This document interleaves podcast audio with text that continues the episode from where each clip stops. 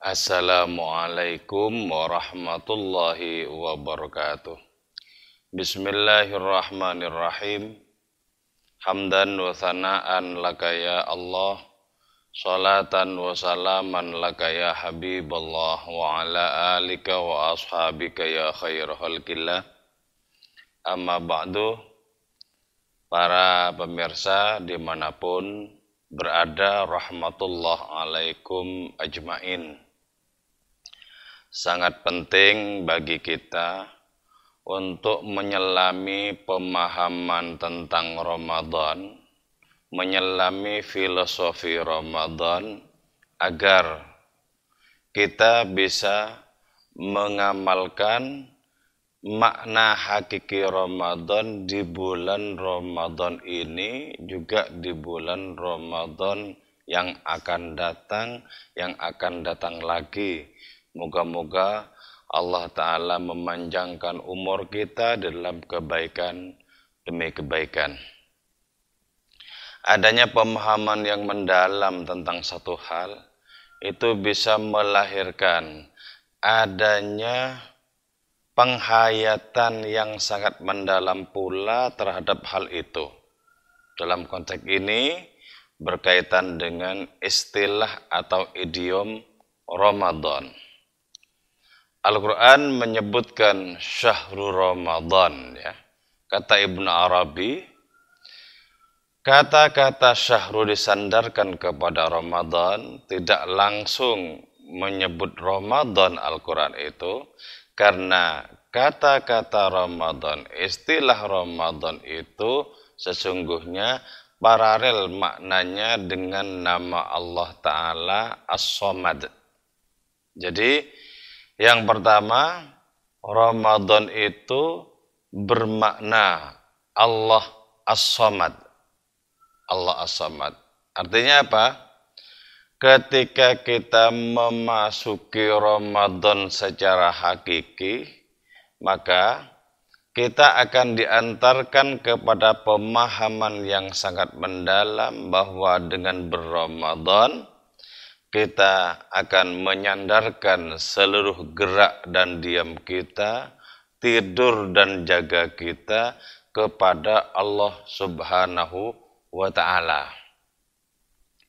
Jadi dengan demikian berpuasa Ramadan itu sebenarnya dalam rangka menguliti ego diri sendiri menguliti ego diri sendiri.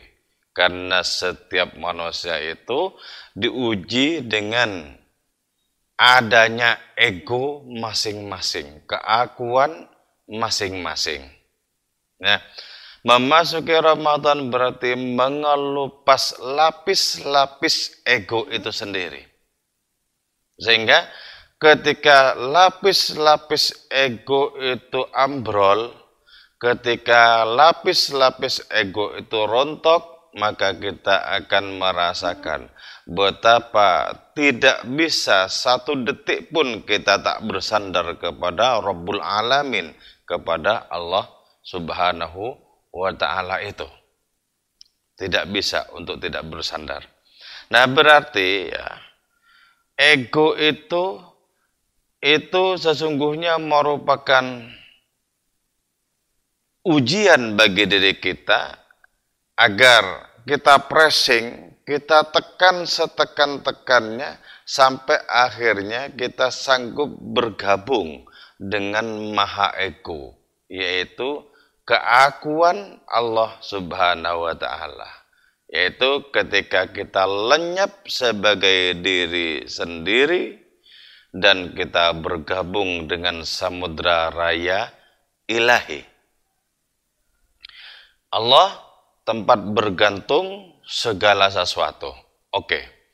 Tapi ini belum tentu disadari dengan sepenuh hati oleh setiap orang beriman. Belum tentu.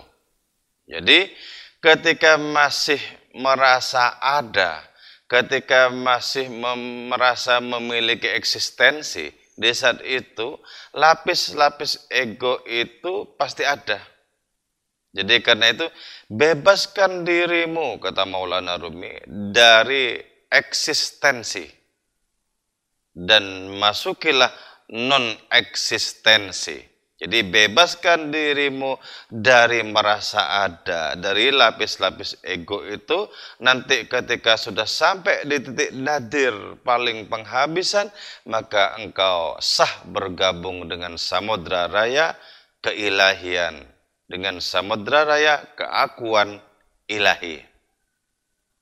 Ya.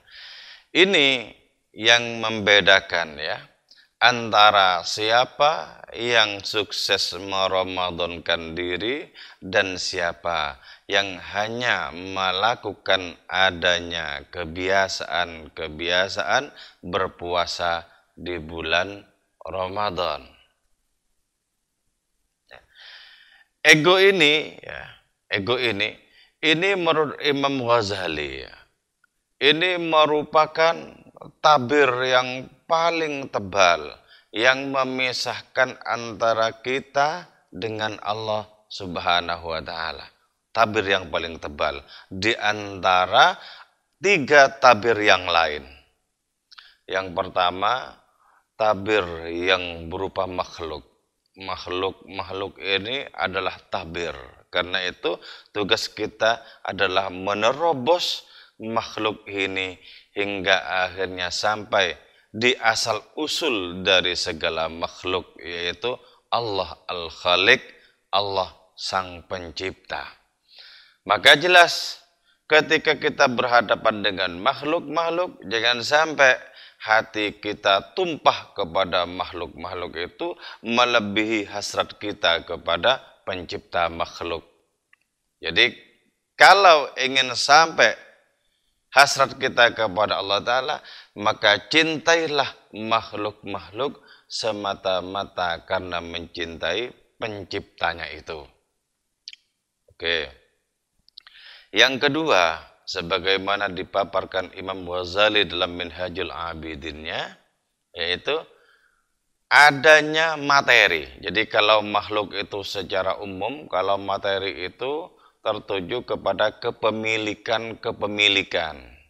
Jadi adanya rasa memiliki terhadap segala titipan yang berupa rezeki itu juga merupakan hijab yang menjadi penghalang antara seseorang dengan Allah Subhanahu wa taala.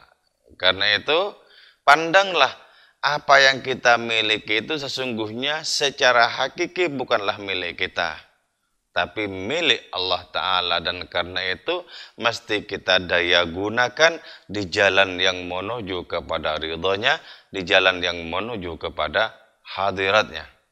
Jangan sampai kepemilikan kepada harta benda itu menyeret kita menjadi semakin terlempar jauh dari hadiratnya.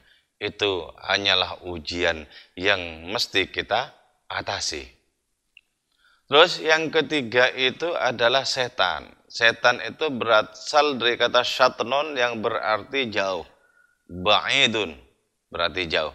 Nah, segala potensi, segala daya yang menjadikan kita semakin terlempar jauh dari Allah Ta'ala itu adalah setan. Setan.